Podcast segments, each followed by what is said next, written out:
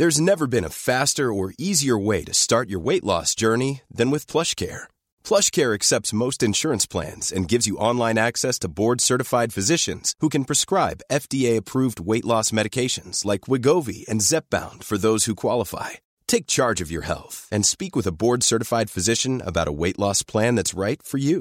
Get started today at plushcare.com slash weight loss. That's plushcare.com slash weight loss. plushcare.com slash weight loss.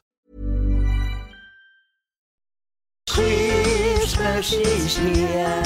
Oh, Christmas is here. It's catchy. It's fucking fun for everyone. Christmas is here. Oh, fuck 'em, Tate. Christmas is here. Midvinternattens kniv är vass. Freddys klor gnistra och repa.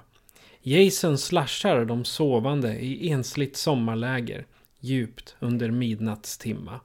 Michael vandrar sin tysta ban. Pennywise lyser vit på små barn. Ghostface hugger vilt med kniven. Inte ens tomten överlever.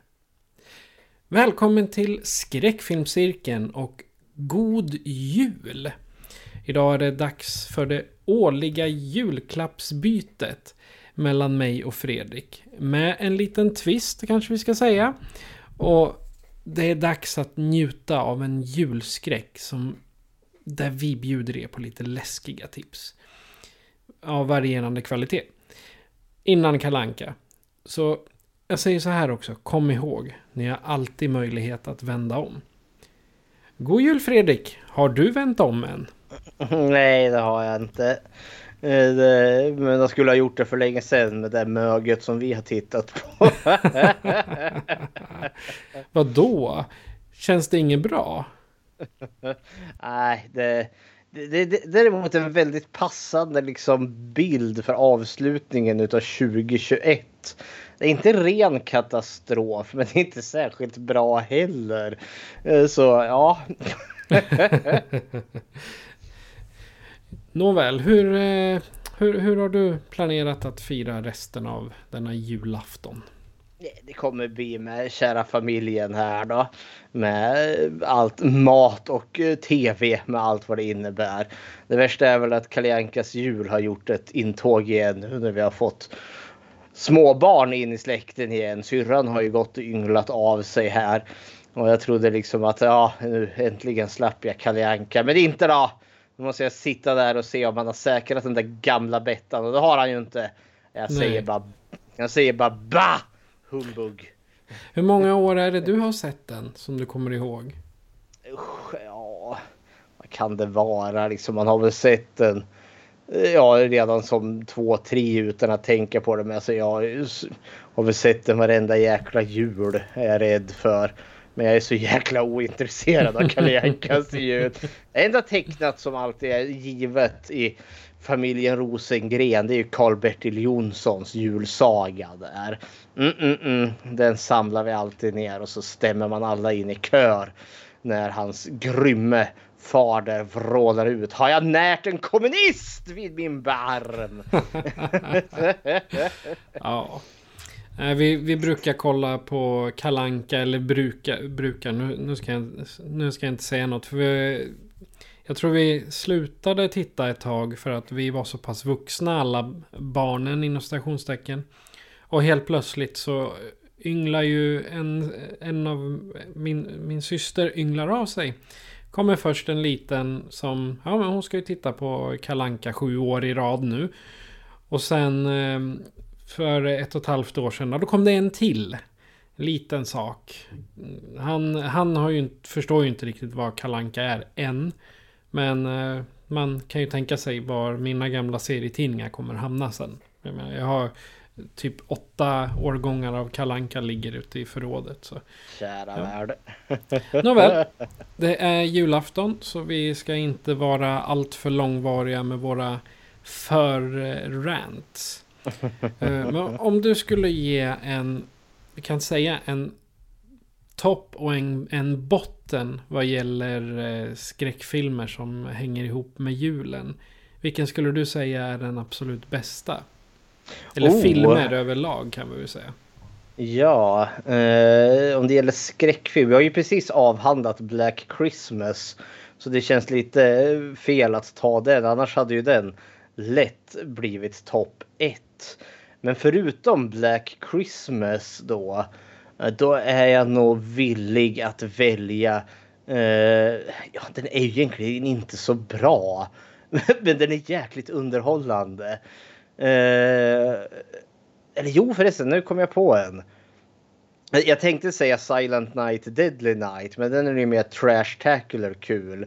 Men jag kommer säga Rare Export, den finska Eh, skräckfilmen där, eller skräckkomedi är det väl. Eh, och den är ju faktiskt genuint bra. Om vad som händer när Julipocky vaknar långt upp i de finska fjällen där Eh, och ställer till med ofåg för julbocken eller tomten där. Ja, det, oh, de, eh, sagorna om den här snälla glada som ger presenter till barn. Nej, det stämmer inte riktigt i Rare Export. ja, den är fantastisk, så det, det är en topp ett. Det låter lite som en eh, typ finsk variant av Krampus. Ja, det är det i stort sett också. För julbocken där, han har ju de här stora hornen som Krampus har i, i, filmen där med samma namn. Jaha, vad är din topp ett då?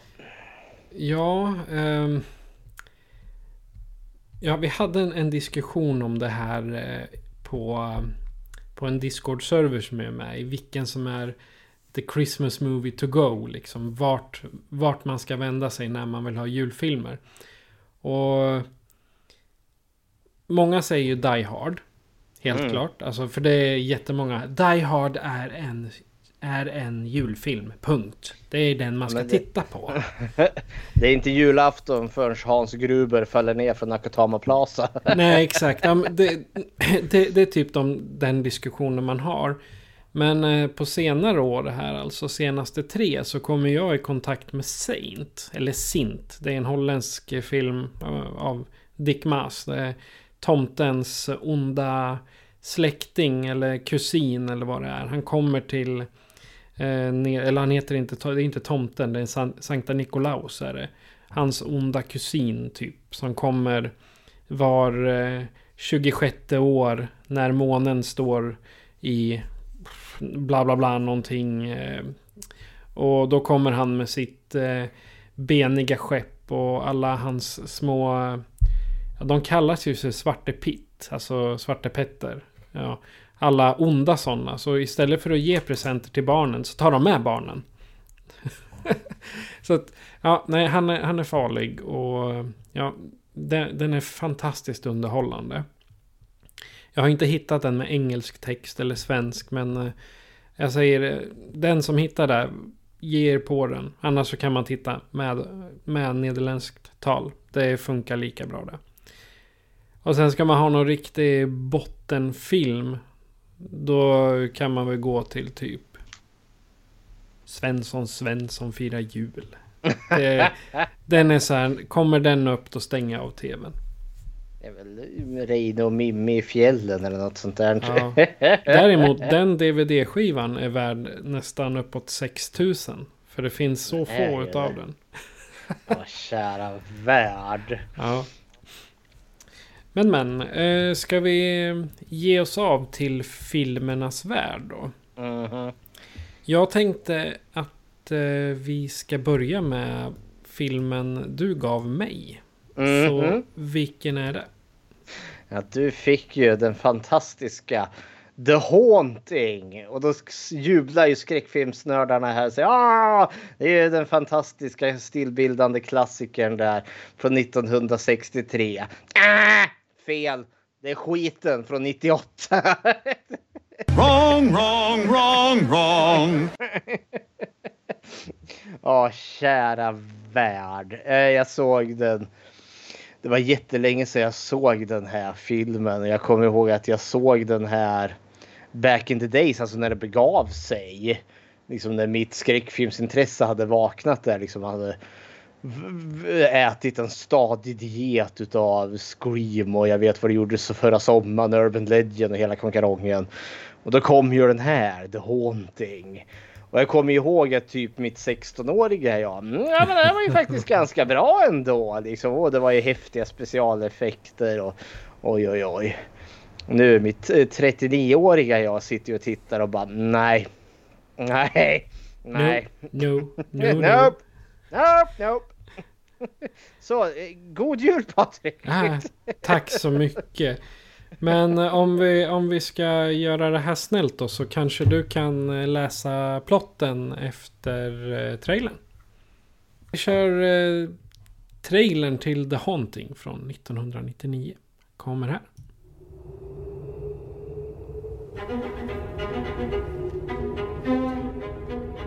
There once was a house, a bright, happy home.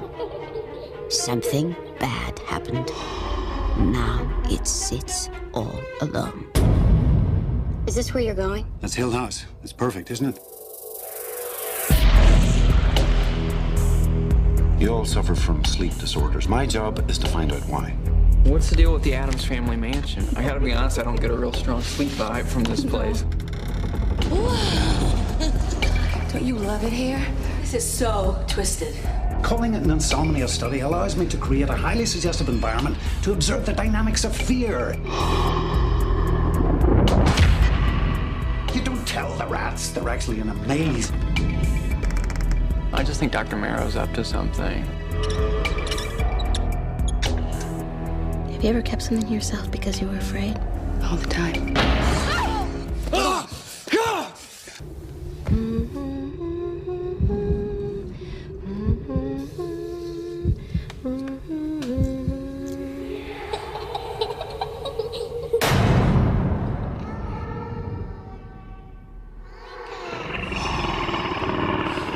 God, what's happening?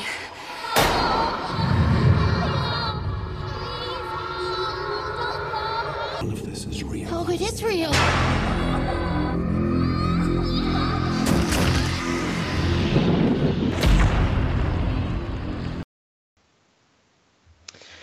En studie i rädsla eskalerar i en blodisande mardröm för en professor och hans tre eh, forskningsobjekt när de finner sig fast i en mystisk herrgård som är hemsökt. Boahahaha.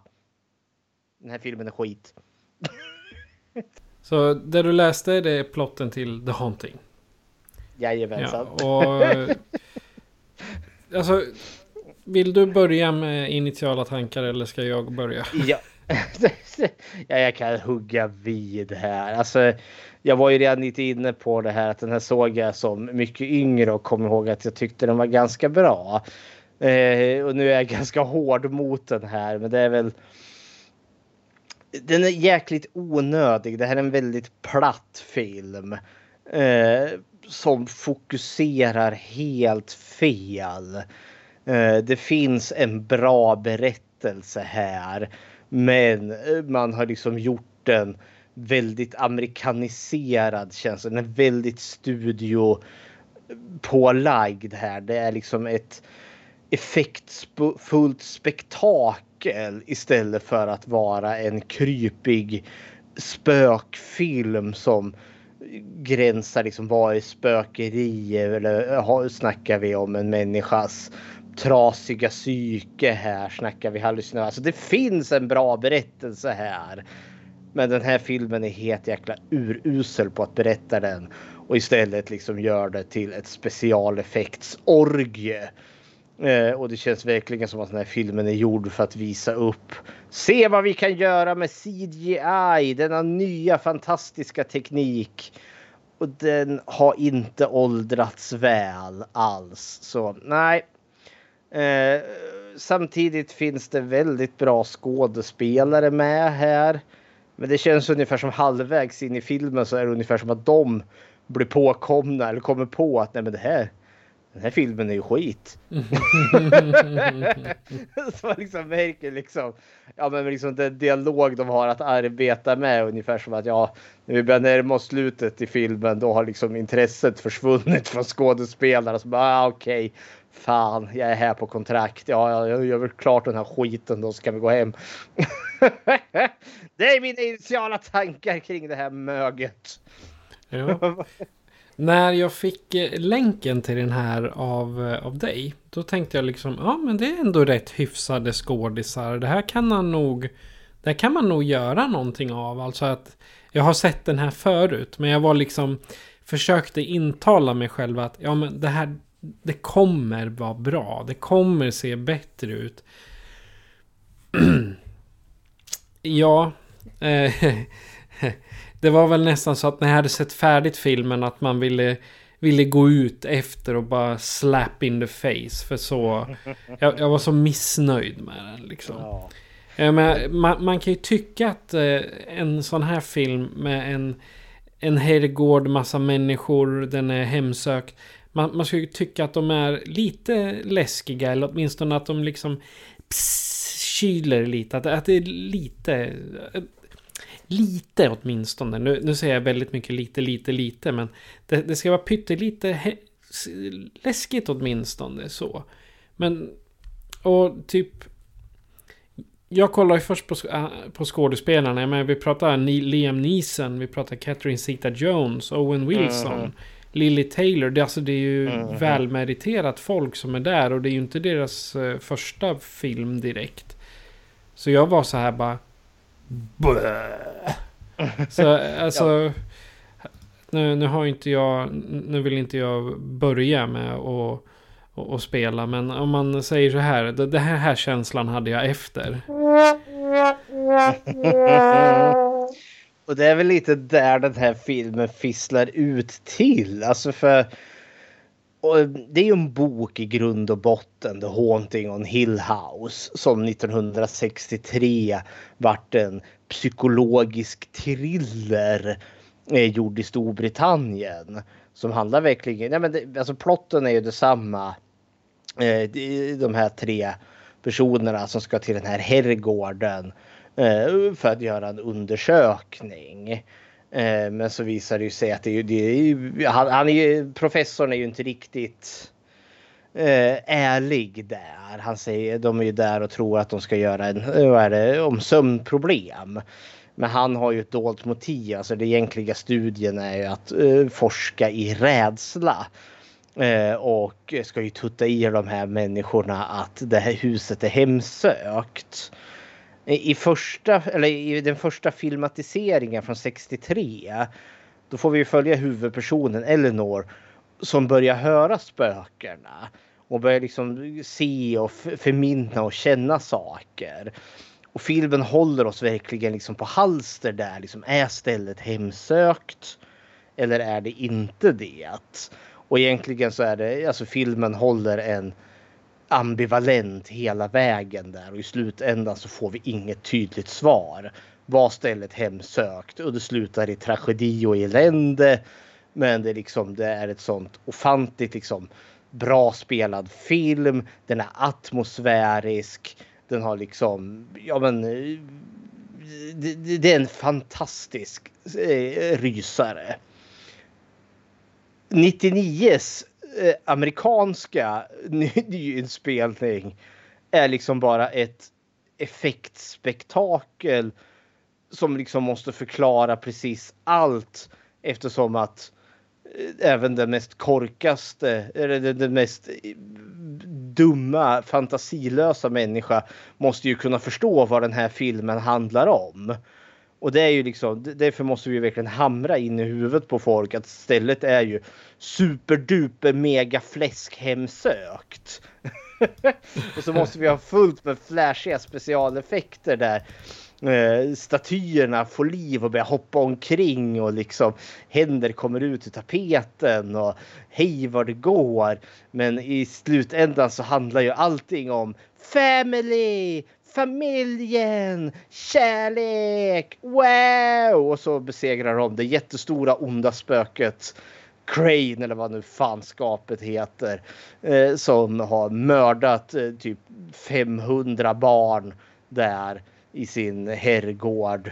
I, i, i, ah, det är så jävla plot hole så jag, jag blir galen på det. Och de besegrar fanskapet med att ta eh, Eh, med att ställa han framför, eller få han att ställa sig framför en dörr som finns i det huset som han har designat som visar sig vara porten till antingen himlen eller helvetet. Och om man ställer sig framför den då, då blir man dömd.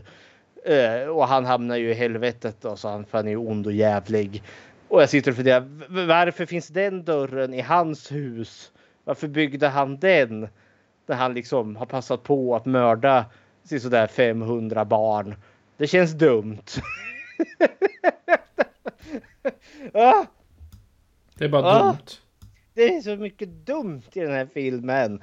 Oh, och det är också sån här att hon eh, vad heter det, avslöjar komplotten i den här filmen. Och nej, Crane som ägde det här huset var en hemsk barnmördare tydligen. Och nej, vem hade kunnat tro det? Första bilden vi får se porträttet av Kane eh, som eh, är eh, som det är ju det som kommer till liv i filmens slut där. Är liksom en man som är enorm. Han liksom tittar ner, han hotfull blick liksom. Han bara osar evil, evil. Ja, men han älskade nog barn. Det tror vi nog. Ja, men alltså, han har en barnmördarblick. Ja, men, som... Det finns ju några sådana här som jag har sett som... Det, det är kompisar till mig som säger bara ah, men han har eh, mördarmustasch. Liksom, ja, det är de här, då, då tänker man 80-talet, så vet här superstora, eller det kanske inte 80-talet, jag tänker västerntiden kanske, när de hade mustascher från ena hakan till andra sidan på hakan liksom. För att, eh, ja, då är det så här, seriemördarmustasch. Jag tänker han, vad heter han? Ted Bundy hade väl så? Stor jäkla han, mustasch. Det var väl någon gång när han skulle maskera sig där. Då gömde han sig bakom en mustasch. den här elakingen, den här, han har ju en stor skepparkrans. Han har ju allt annat än en mustasch. Så det är liksom, åh nej. Ja, ja, men det är som, vi spoilar ju skiten i det här. Alltså det, det det är det som är problemet med den här filmen The Haunting från 99 är ju liksom att det är en ganska visuellt vacker film. Det finns så otroligt mycket detaljer i den här och jag förstår ju, men det, det är så uppenbart en studio de är i så fort vi är, alltså är vi utanför herrgården då är det ju en riktig herrgård. Jag för mig att det är någon del av något universitet som äger det där. Men när man är inne i då är man ju så uppenbart i en filmstudio. Och det är inte nödvändigtvis fel, för jag kommer ihåg i början när man liksom fick kom in i slottet eller herrgården där och såg de här gigantiska salen med den här liksom bågade trappen som går upp till en övervåning eller liksom balkong som finns på insidan, det marmorbeklädda golvet och allt. Då tänkte jag, ja men det är lite som i 30 och 40-talsfilmerna när man kommer till den knäppe baronens slott där då, för de är alltid ondingarna i de gamla skräckfilmerna. De har ju alltid slott där. Jag tänker, ja men det är en liten mysig callback, men sen blir det verkligen så här wow. Alltså så stora de här kulisserna är, alltså slottet som vi får se på utsidan måste ju vara typ tre gånger så stort. Och det är nästan så att det blir lite för mycket detaljer. Det, alltså, det, är faktiskt ett, ett, riktigt, ett riktigt slott på utsidan. Det är Belvoir Castle i Leicestershire. För att låta full. Och eh, Da Vinci-koden har spelats in ja, där. Eh, typ en himla massa brittiska kostymdraman ser jag. Uh, och Duran Duran en eh, video har de spelat in där. Ja, men den verkar vara an använd i en himla massa gamla filmer så. Överhuvudtaget. Alltså filmer som har med gamla eh, baroner och herrar och så mm -hmm. att göra. Det, det, är så för det är som sagt det finns potential med den här filmen och det finns grejer jag tycker verkligen mycket om. Jag gillar att Catherine Zeta-Jones karaktär Theo är en sån uppenbart bisexuell karaktär och man gör ingen grej av det. Uh, och det är ju, jag menar, Liam Nilsson, uh, eh, Catherine Zeta-Jones, Owen Wilson. Wow! Uh, och liksom uh, Lily Taylor. Det är bra skådespelare och de skådespelar bra mot varandra. Det är bara det att handlingen är vattentunn. Uh, och dum, rätt och slätt. Alltså det, det, här, det är ju som en, vad ska man säga, en... En silkespapper-variant utav originalet. Om man ska säga. Det är liksom ingenting att greppa i på det här. Utan det är så... Ja, du har ett, ett A4-ark som är tjockt med så 80 grams. Det är liksom den, det originalet från, vad sa vi, 63 eller? Ja. Ja, och sen eh, så de här remakesen som har kommit. Är det, jag tror, är det två? En eller två som har kommit däremellan. Ja, det, det här är den andra filmatiseringen. Sen var det ju Netflix tv-serien ja. Haunting on Hill House. Ja, det är nog den jag tänker på då. Men eh, just de där, det, det, pappret blir bara tunnare och tunnare. Och hade vi sett den här på bio liksom. Jag hade rivit biobiljetten och gått ut. För den här är ju verkligen inte värd, eller möjligen om den kan bli lite bättre på stor skärm. Men... Ja. Uh. Jag kan väl, jag kan väl säga, men alltså visst specialeffekterna. Visst, jag tänker 99. Man kan ju inte jämföra 99 CGI med 2021 CGI. Men det känns som att det ser, det ser inte ens bra ut då. Fasiken, vi kan jämföra med Jurassic Park som kom 93. Där funkar det bättre. Eh, nej. Och det är just det att man fokuserar helt och hållet fel. Utan att, eh, fokuset är på specialeffekterna. Tänk vad häftigt. Och jag förstår och det, det, känns som att det här är fel film att göra till ett spektakel. Alltså herregud, det, det här är liksom ett karaktärsdrama och det, det finns liksom genuint intressanta grejer här med som våran huvudkaraktär spelad av Lily Taylor. Eh, kvinnan som vi förstår i början här att hon har eh, Eh, eh, hennes mamma har dött eh, och hon har vårdat hennes mamma då som har varit extremt krävande i de senaste 11 åren och vi får en väldigt bra scen där mellan henne och eh, Virginia Madsen är det väl. Eh, som eh, de håller på och köper ut henne. För det finns ju ett arv här då. Mamma har ju dött. Och nu ska de ska ha lägenheten. Ja, för att sälja den. Ja, för de har fått lägenheten i arv. Syrran kan få den här 20 år gamla bilen och äran att bli deras eh, barnvakt till deras äckliga lilla unge där. och det är en sån hemsk scen för jag tycker så synd om henne då. Men sen är det också, hon ska väl, eh, de, hon ska väl liksom överlåta lägenheten till dem så ska de sälja den. För de har säkert, när det, när det är eh, den här bouppdelningen så ska ju alla ha, först ha lika mycket och sen därefter om det blir någonting kvar så har man, i alla fall i svensk lag, därefter så fördelar man enligt testamentet. Och frågan är ju på den här om mamman har testamenterat hela skiten till hennes syster. Ja, för, att känns... de, för att de kanske har bråkat med Lily Taylor någon gång. Ja, och det känns också för det känns också som att syrran hon har inte varit aktiv i den här sjukdomsprocessen. Och vi förstår också att morsan har varit extremt jobbig. Men det är det, det är här liksom jag känner, här finns intresset. Eh, det här är den bra biten i berättelsen. Så blir hon ditlurad för hon har sömnsvårigheter av förklarliga skäl. Eh, eftersom att mamma låg och slog sin käpp mot väggen varje natt där då. Eh, och då hittar hon den här studien som betalar, jag tror den 900 dollar i veckan och hon är ju i desperat behov av pengar. Okej, okay, fine. Eh, det, det, är liksom varför hon kommer dit. Vi får också reda på att professorn, Liam Nilsson där, han ljuger. Alltså han är inte där för att studera eh, sömnsvårigheter utan han Han, i, I hemlighet skulle han studera rädslan och rädslans mekanismer genom att då liksom fejka den här spökhistorien. Eh, och den här biten är fortfarande genuint bra. Och sen just att liksom spökberättelsen eh, då tar skruv i henne.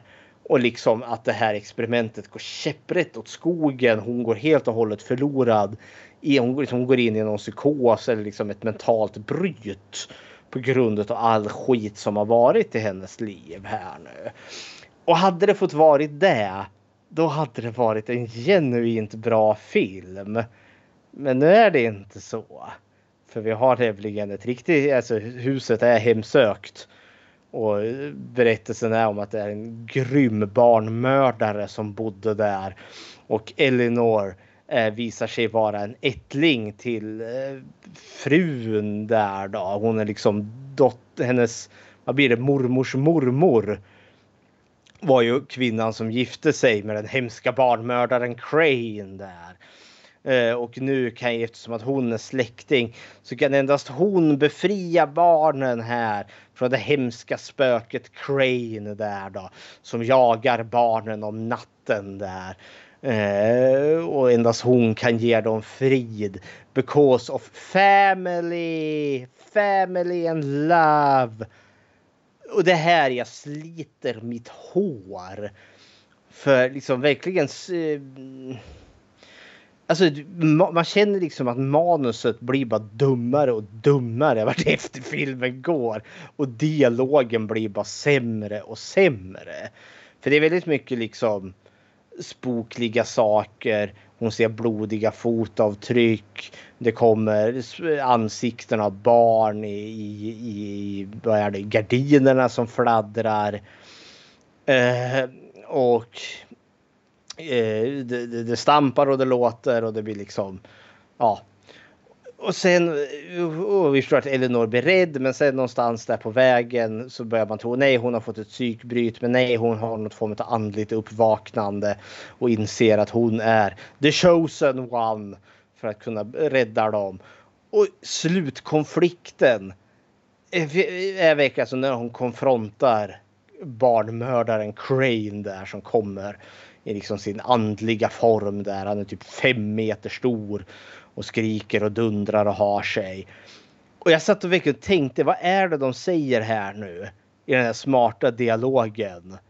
Eller den som ska vara den stora episka dialogen som hon använder för att besegra honom. Och det är verkligen eh, These children are mine. Family is important. You can't have the children. Family family. Och liksom bara, det här är bara nonsens. De här barnen har inget, han har mördat traktens lokala barn får vi reda på eftersom att han är någon sån rik ägare till någon textilfabrik.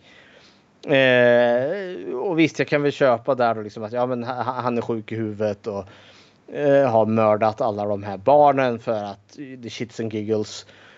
Jag kan däremot inte köpa att bybefolkningen inte förr eller senare bara rusade upp och brände han på bål. Men jag tänker någon gång måste det ju komma fram. ja, liksom, för han har ju fyllt, som jag tolkar det, att eh, det här herrgården är ju byggd för att man ska kunna, alltså den är ju väldigt barnslig. Det är väldigt Tim Burton över det. Och det har ju förstått att det har ju han gjort medvetet för att man skulle leka kurragömma med barnen. Och dödsfällan är ju inne i eldstaden. Eh, den stora, stora öppna spisen där.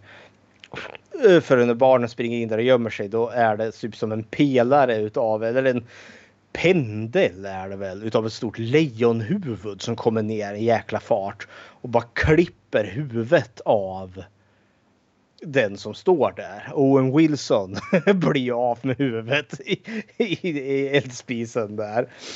Och sen har han ju då, eh, antar jag, bränt barnens kroppar och gömt dem i, i eh, den öppna spisens, ja där man samlar askan antar jag. Ja, eller så spred han dem i trädgården. Det framgick inte riktigt. Det var lite så oli, olika bud och olika associationer eller vad man ska säga.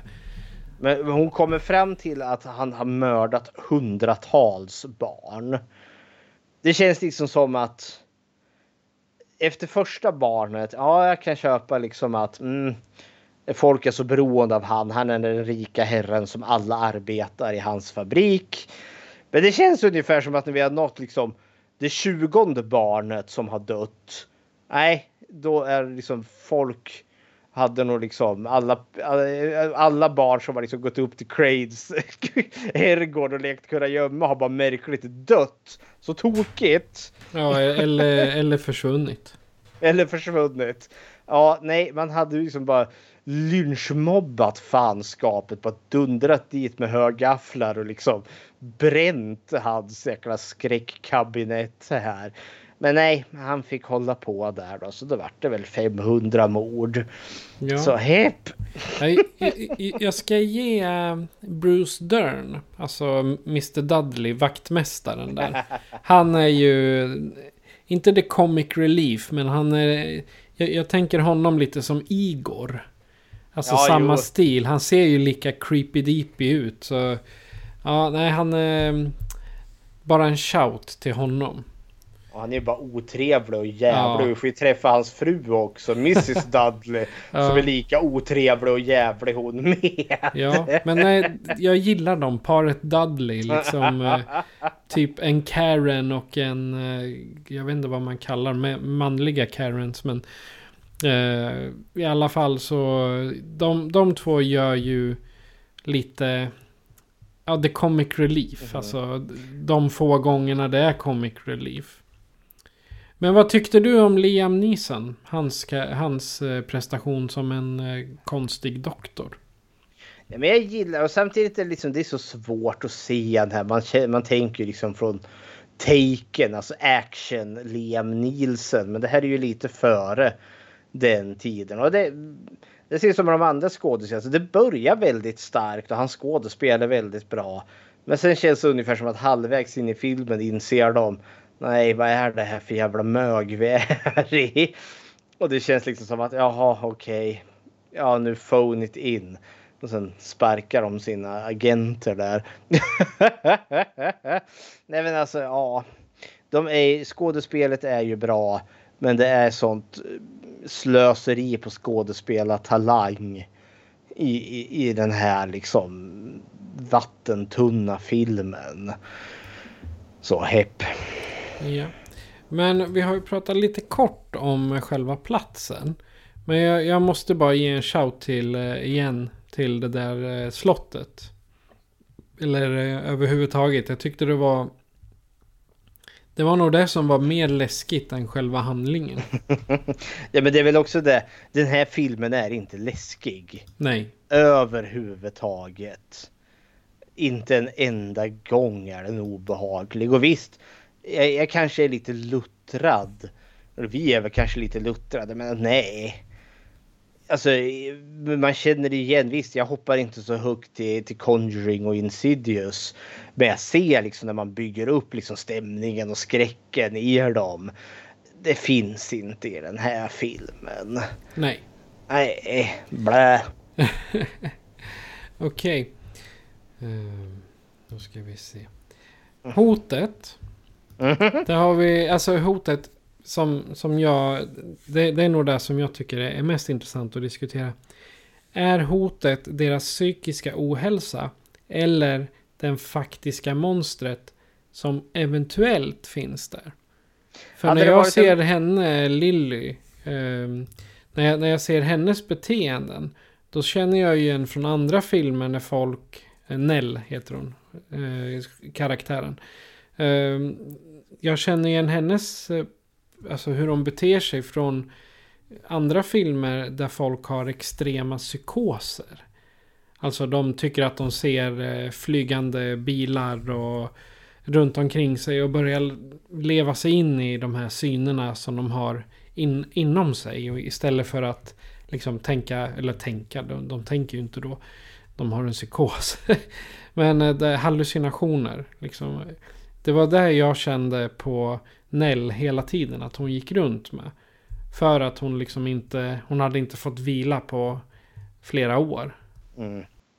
Ja, men hade det här varit en bra film då hade man ju spunnit på det här och liksom gjort spökerierna till någonting liksom ja men eh, tvetydigt. Ungefär som Babadook som vi pratade om där liksom man fullt möjligt kan. Menar, hon antingen har hon en pågående vansinnesföreställning eh, eller så finns monstret. I den här finns det ju inget tvivel. Monstret finns. Eh, och det är dumt. det är sant. Ja. Men det, det var lite där jag, jag tänkte med just eh, hotet att det är antingen så är det en psykisk ohälsa från eh, karaktärerna överlag. Till och med doktorn. För han ser ju också monstret ibland. Eller så är det den här faktiska The Haunting. Alltså att det verkligen är hemsökt av en eh, något väsen. Så, typ som Mama. Du vet eh, avsnitt 4 eller 5 eller vad det var när vi diskuterade väsen. Ja.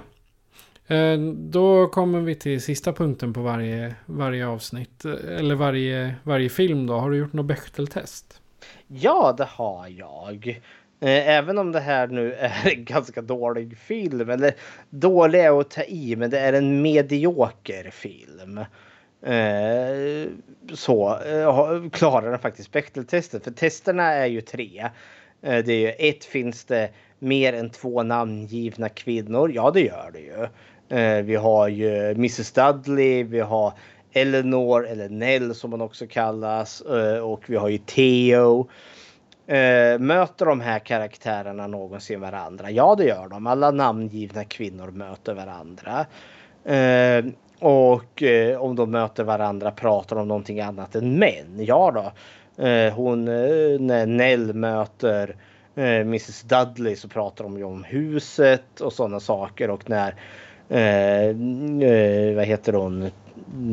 Catherine Zeta Jones eh, möter huvudkaraktären så pratar de om väldigt mycket. Så det finns väldigt mycket dialog mellan kvinnorna sinsemellan som inte har att göra med oh vilken hunkig man.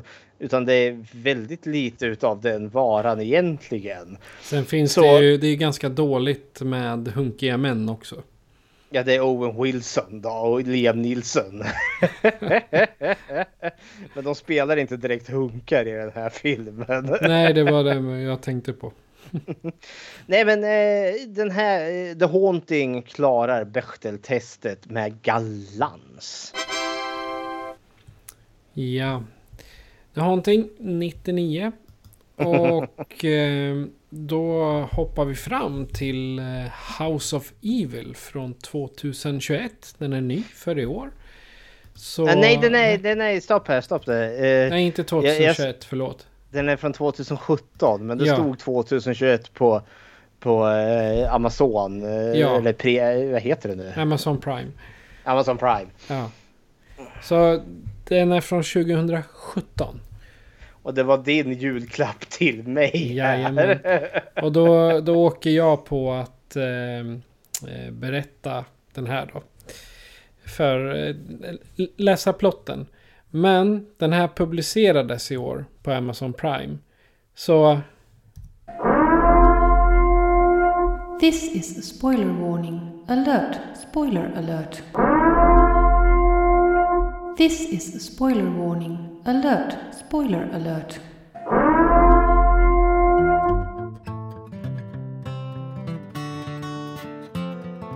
I can't believe we're actually doing this.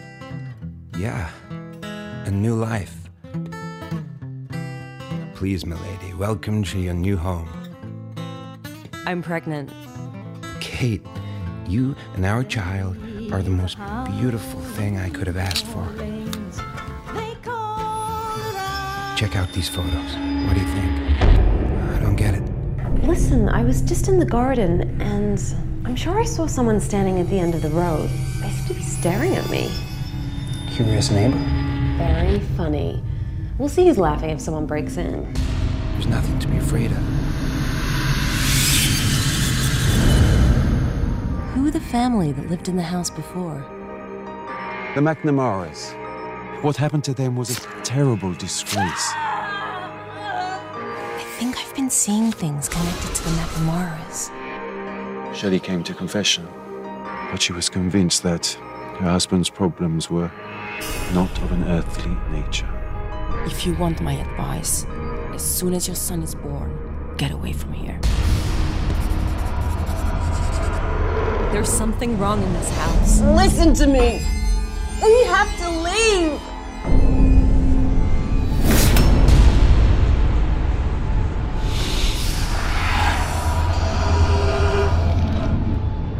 Suggestion is an open door that can lead to great evil.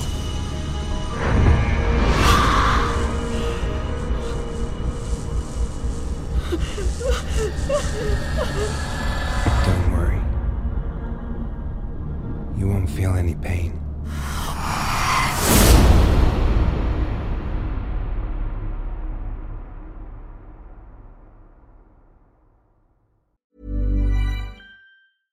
Hiring for your small business? If you're not looking for professionals on LinkedIn, you're looking in the wrong place. That's like looking for your car keys in a fish tank.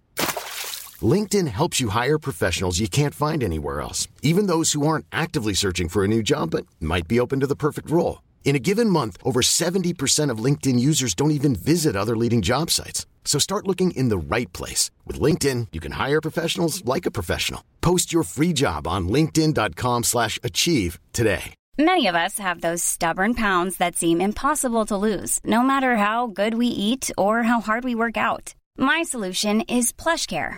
PlushCare is a leading telehealth provider with doctors who are there for you day and night to partner with you in your weight loss journey. They can prescribe FDA-approved weight loss medications like Wagovi and Zepbound for those who qualify. Plus, they accept most insurance plans. To get started, visit plushcare.com slash weight loss. That's plushcare.com slash weight loss.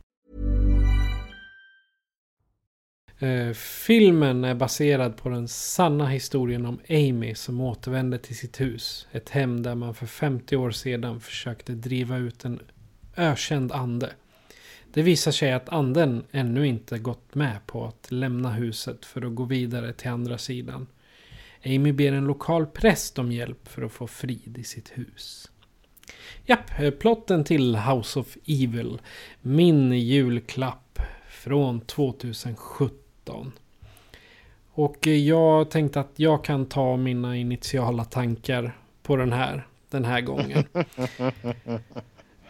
Och House of Evil eh, trodde jag var en eh, typ som en eh, film där personer blir besatta och gör konstiga saker. Alltså då tänker jag lite Exorcisten-ish eller någon Alltså possession-filmer. Så här, Mhm. Att de byter personlighet, att, de, by- att en annan ande hoppar in i deras, i deras kropp exempelvis. Men här då när jag, när jag startar den här så... Jaha, det är ett ungt par som flyttar in i, i ett eh, gammalt hus som hon tydligen har känt. Men efter att jag hade sett den här, då tänkte jag massor med dåligt skådespel. En hysterisk skådespelare och en rolig, eh, alltså mannen då, eh, en eh, så kallad rolig skådespelare som man som försöker vara läskig. Men eh, ja, nej, jag, jag förstod inte. Eh, om man har liksom en, en liten budget. Då kan det vara lite så här svårt att få till det med bra skådespelare och sådär. Men den här hade ändå en ganska fin budget vad gäller... Alltså de hade pengar om man säger så. Så att de hade kunnat ta in relativt bra skådespelare. Jag menar, I och för sig budgeten är på 500 000 dollar men det borde, de borde ändå kunna prestera bättre än det här. För det är ingen indiefilm. Vad är dina initiala tankar? Den här filmen är skit. Ser den inte. Eh, nej, alltså ja. Så här tänker Eh. Fredrik. Exterminate! det är kanske att ta i. Alltså det, det är ju inte en The 13th Friday. Det är nog i särklass det sämsta vi har sett än så länge. Det var den jag Men gav dig förra året. Ja, det, det, så det är åtminstone ett kliv upp, men himmel, det, det är inte mycket med den här filmen som är, är mycket att ha.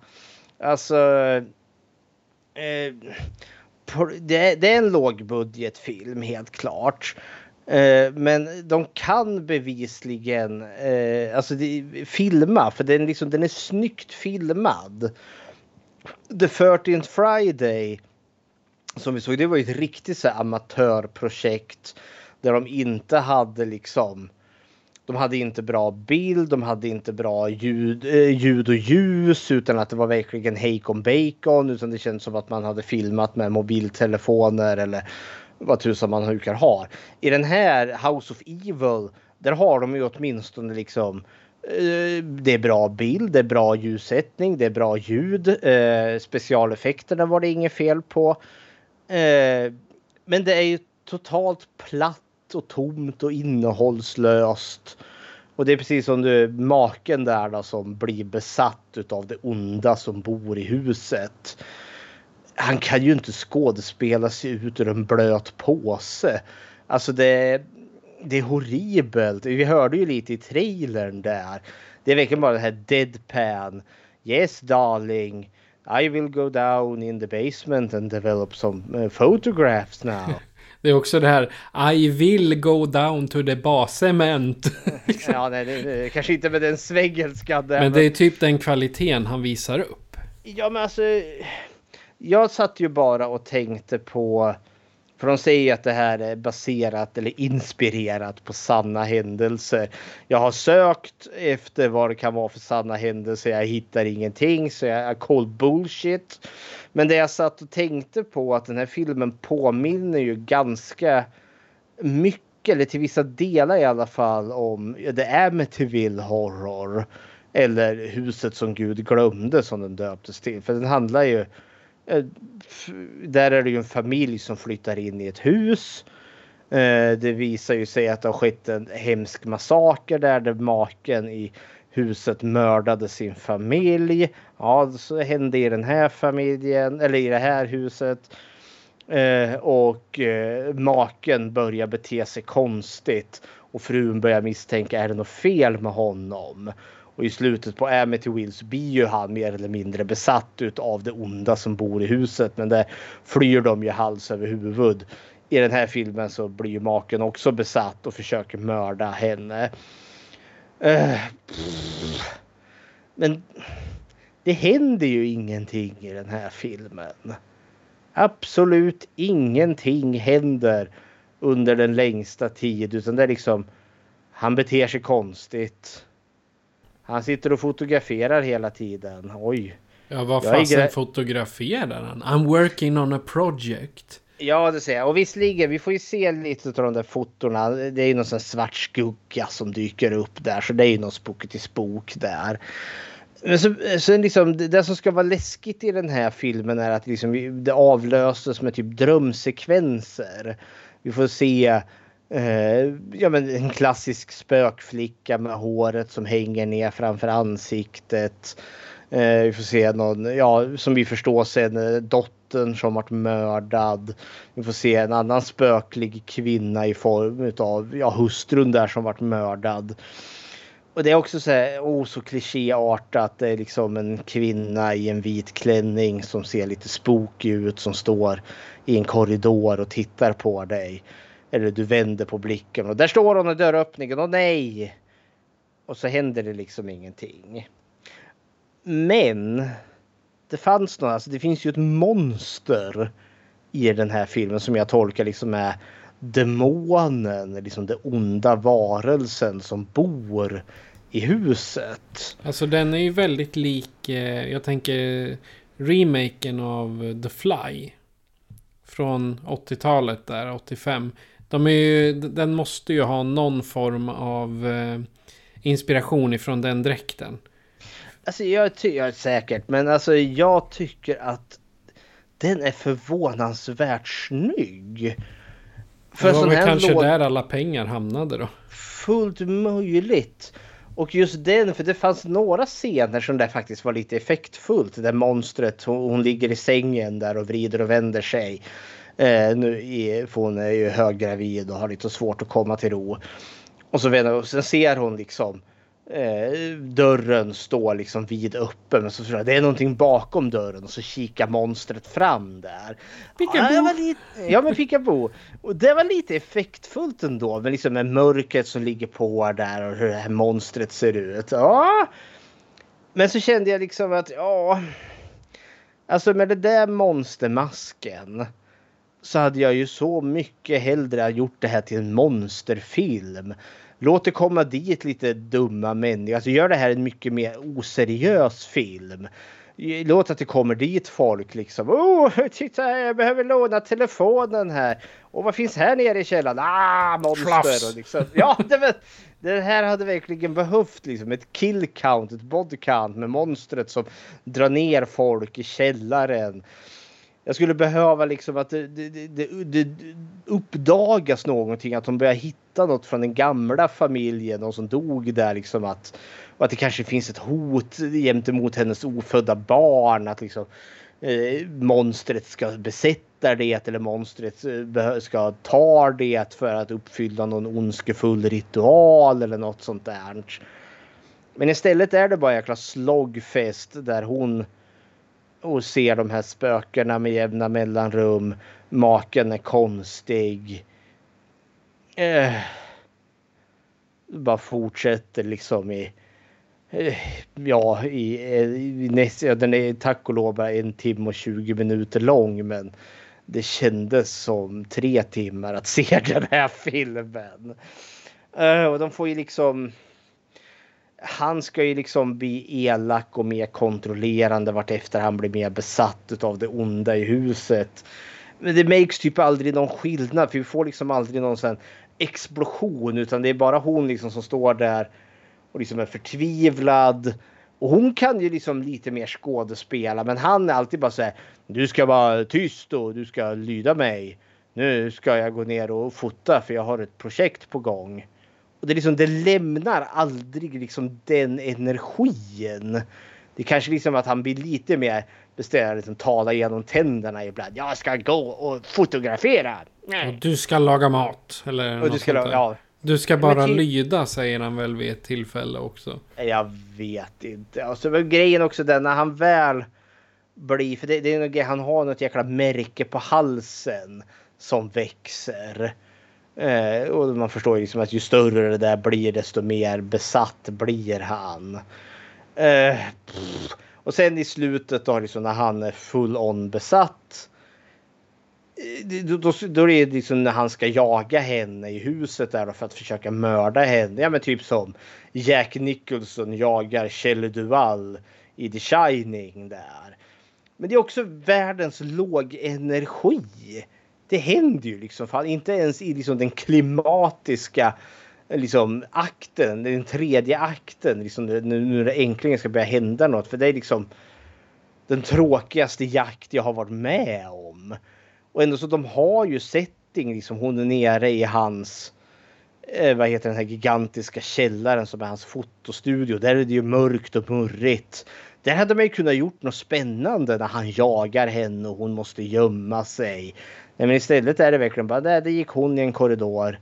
Och där kommer han, han håller i en hammare, han ser lite arg ut. ja men liksom. Nej, men jag, jag, jag förstår din känsla. Jag håller, alltså, jag håller helt och hållet med. Där. Det är ju... Det är shitfest skulle jag kalla det. Ja. Mer än vad det är kvalitet liksom. Ja, jäkla bårfest. Det händer ju liksom ingenting. Och sen försöker de vara lite smart i slutet där då, för han hon eh, efter den här extremt långsamma jakten eh, så eh, sätter hon sig ner och börjar grina i en dörröppning. Och då kommer han där. Jag ska slå ihjäl dig med min hammare för jag är så arg jag. Oj vad jag är arg. Men så kommer han ju fram. Nej men jag älskar dig ändå. Man förstår det är någon inre konflikt där då. Och så släpper han hammaren och så kommer monstret ut ur en annan dörröppning som är mörk och liksom omfamnar honom och drar in han i mörkret där. Och så svimmar hon och så vaknar hon på sjukhuset där igen. Liksom, oh, vilket drama. Vad var det? För det, det, det prästjäkeln som finns med här. Ja, de är ju, alltså han var ju med, eller det var nog inte han, det var väl kanske han, prästens pappa som var med för 50 år sedan och försökte driva ut den här jävla demonen. Ja men det, det för jag tänkte när du läste plotten. Plotten beskriver ju saker som inte ens händer i filmen. Nej, antingen så är det Amazon Prime som har eh, skrivit helt åt helvete fel plott och lagt upp fel, eh, fel årtal och allting. Men det är liksom... Ja för vad heter det? Alltså, jag tror du läste karaktären hette Amy. Ja. Amy är gravid men karaktären heter ju Kate. Ja. Om man går in på IMDB så. Exakt. Så, alltså den egentliga plotten är ju... Alltså året är 1970. Eh, House of Evil berättar en historia om ett ungt par som flyttar in i en gammal gård i eh, Connecticuts eh, utsida för att starta en familj. Snart så upptäcker de att deras liv är, eh, har, har Destiny, jag vet inte det på, på svenska, har en, kommer bli, eh, kommer sluta med en eh, katastrof när de slåss mot en mörk skräckinjagande kraft för att överleva. Ja, kära värld. Och det, jag menar frågan är ju här, eh, vad, vad fan är det för till och med Amazon är, är, är, tycker det här är en så misslyckad film att de lägger in fel plott. Det är säkert fel skådespelare också med där. Ja, det är alltså, rätt grejer... regissör i alla fall. Det har de lyckats med. Men jag menar, de, är... allting är fel. Filmen har ju också 2,8 av 10 i betyg på IMDB. Så ja.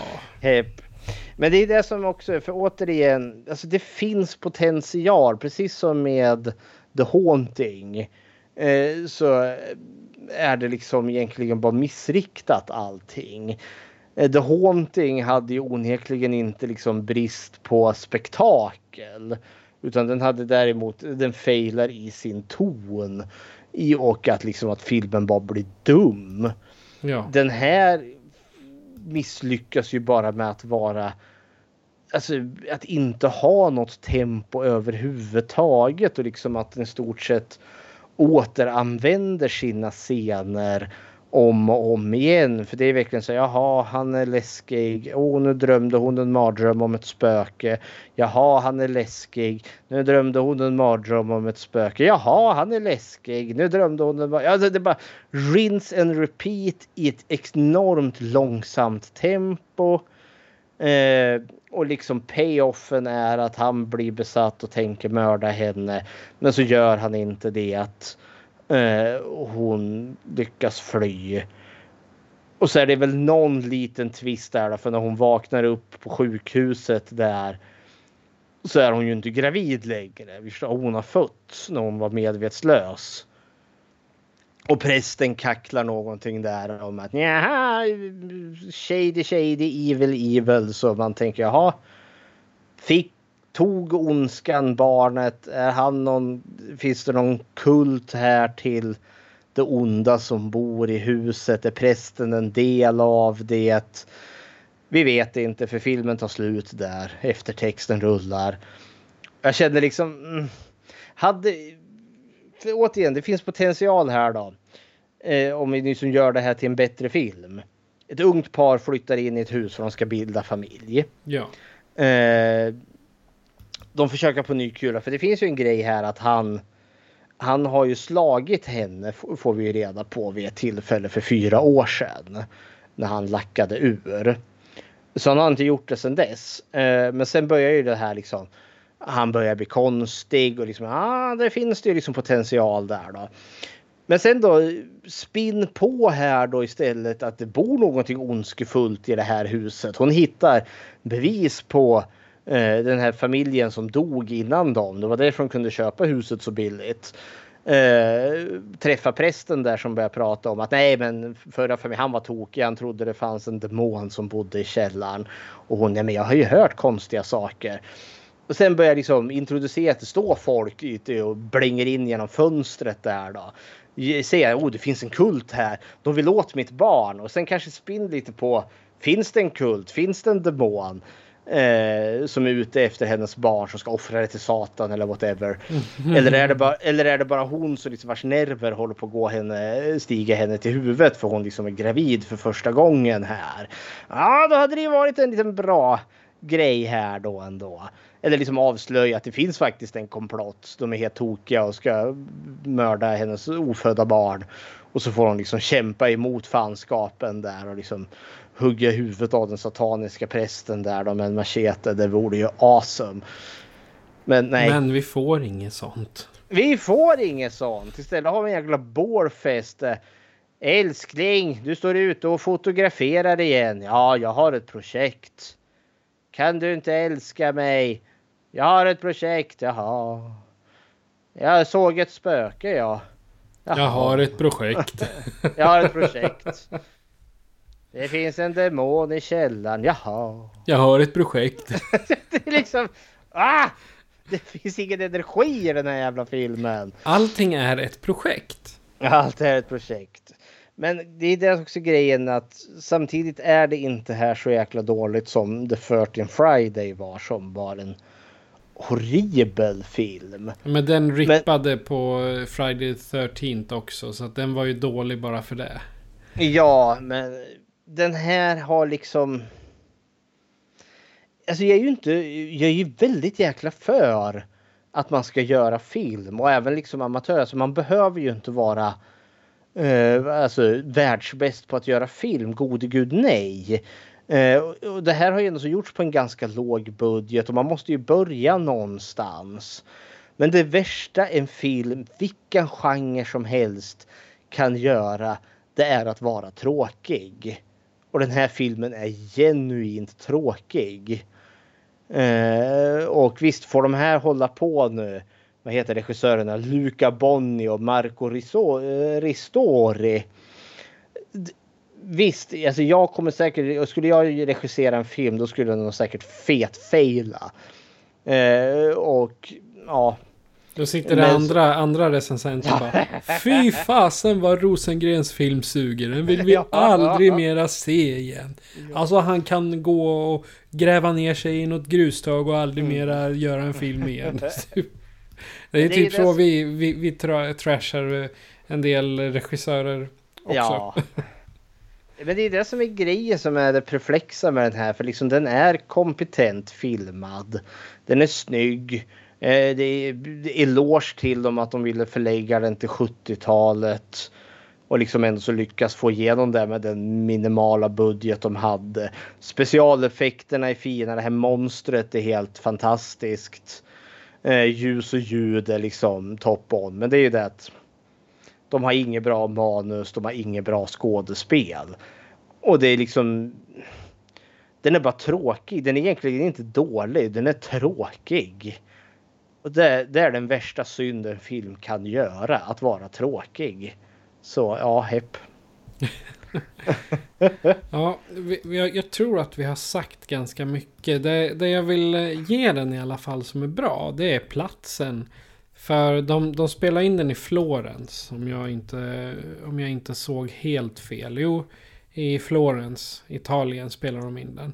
Och det är ju väldigt, eh, och de är i samma hus hela tiden. Eh, och jag, jag tycker det, de har ju valt en bra setting för en skräckfilm, ska jag säga. En mörk källare, men fint utomhus. Och självklart en eh, präst då, och självklart en eh, präst då som man kan eh, klassa som lite creepy deepy skulle jag säga. Det är, han... Eh, så fort det finns en präst med så är man liksom... Mhm, nu är det någonting som inte stämmer. Nu, nu, kommer, nu kommer det demoner eller läskiga, mordiska någonting ish så. Mm. Men det är väl kanske på grund av Exorcisten att vi har de prästerna som eh, liksom känns... Ja, de, eh, de, de känns läskiga liksom. Ja, även har man en fantasilös film då vet man att finns det en snäll präst med en skräckfilm, ja då kommer twisten vara att han är elak egentligen. Så, mm, hepp. ja. Eh, har du gjort något Bechteltest på den här? Ja, det har jag. Eh, och frågorna är ju tre som sagt. Eh, och har vi två namngivna kvinnliga karaktärer? Ja, det har vi. Vi har ju Kate. Eh, och sen har vi ju hennes kvinnliga kompis. Som jag vill för mig hette... Desiree va? Nej, skådespelerskan heter Desiree och hennes kompis heter... Hon har inte ens något namn. Ja, men hon har ett namn för de nämner det i filmen. Men de har inte skrivit ut det på IMDB. Det är ju det är sanslöst. Och hon finns inte Ja, ja. med på något foto heller så det är liksom... Ja, ja, men Ja. hon... Vi, vi säger att hon heter Rita eller något sånt. Ja. Eh, träffar de någonsin varandra? Ja, det gör de. Eh, pratar om någonting annat än män? Det är det här, nej, alltså för här faller det lite. Eh, för i stort sett så handlar det alltid om Alltså det, hennes kompis är ju väl medveten om att hon var slagen utav sin man John där för fyra år sedan. Och hon är alltid där liksom och påminner om vad han gjorde och tycker att hon ska lämna honom. Och liksom ta nu när hon liksom är gravid här sitt pick och pack och stick. Så även om det liksom inte direkt är det här liksom oh, de pratar om män. Det är inte sådär liksom oh, de skvallrar om pojkvänner och snygga killar. Så pratar de, John finns ju alltid med i diskussionen. Så eh, jag tänker nog säga att den här faller på den tredje frågan. Så House of Evil klarar inte Bechteltestet.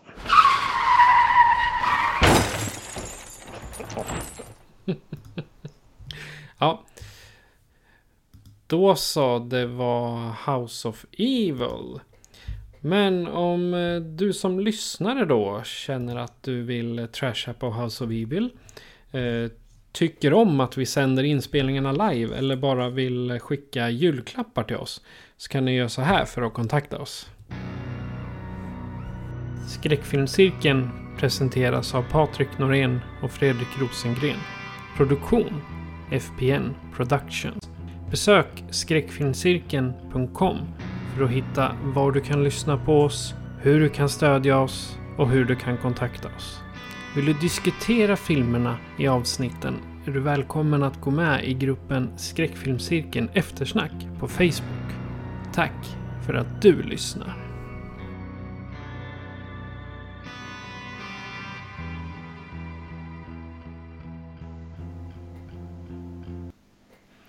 Och Fredrik. Nu är det snart jul. Eller det är, Det är jul. ju det. Är jul och snart så är det dags för något roligare än en eh, superkass halvitaliensk engelskspråkig film.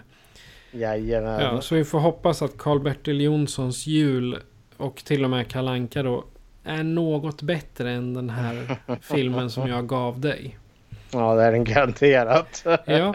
Eh, Kommer du ihåg vilken film vi har eh, nästa gång? Eh, nej, det är inte beslutat. Nu kör vi jul, juluppehåll här. Ja, nu tar vi Eh, och så- ledigt.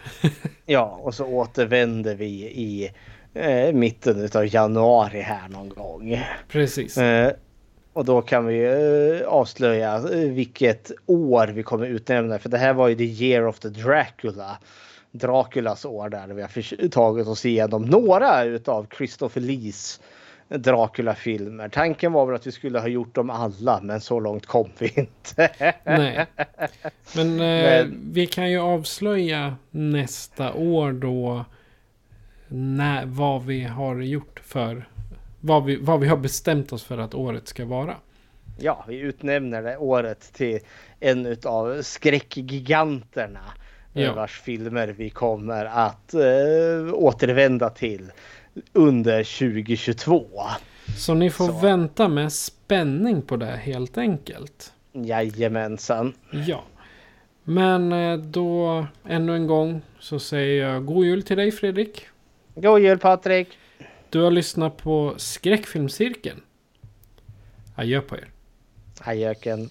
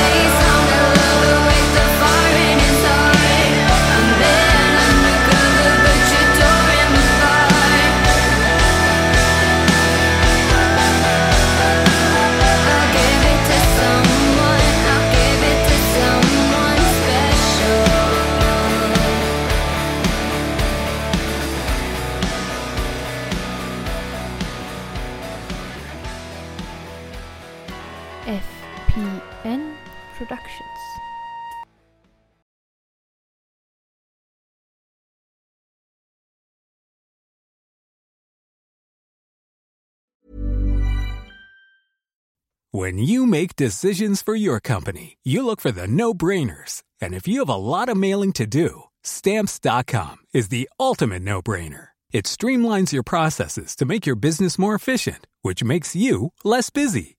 Mail checks, invoices, legal documents, and everything you need to keep your business running with stamps.com.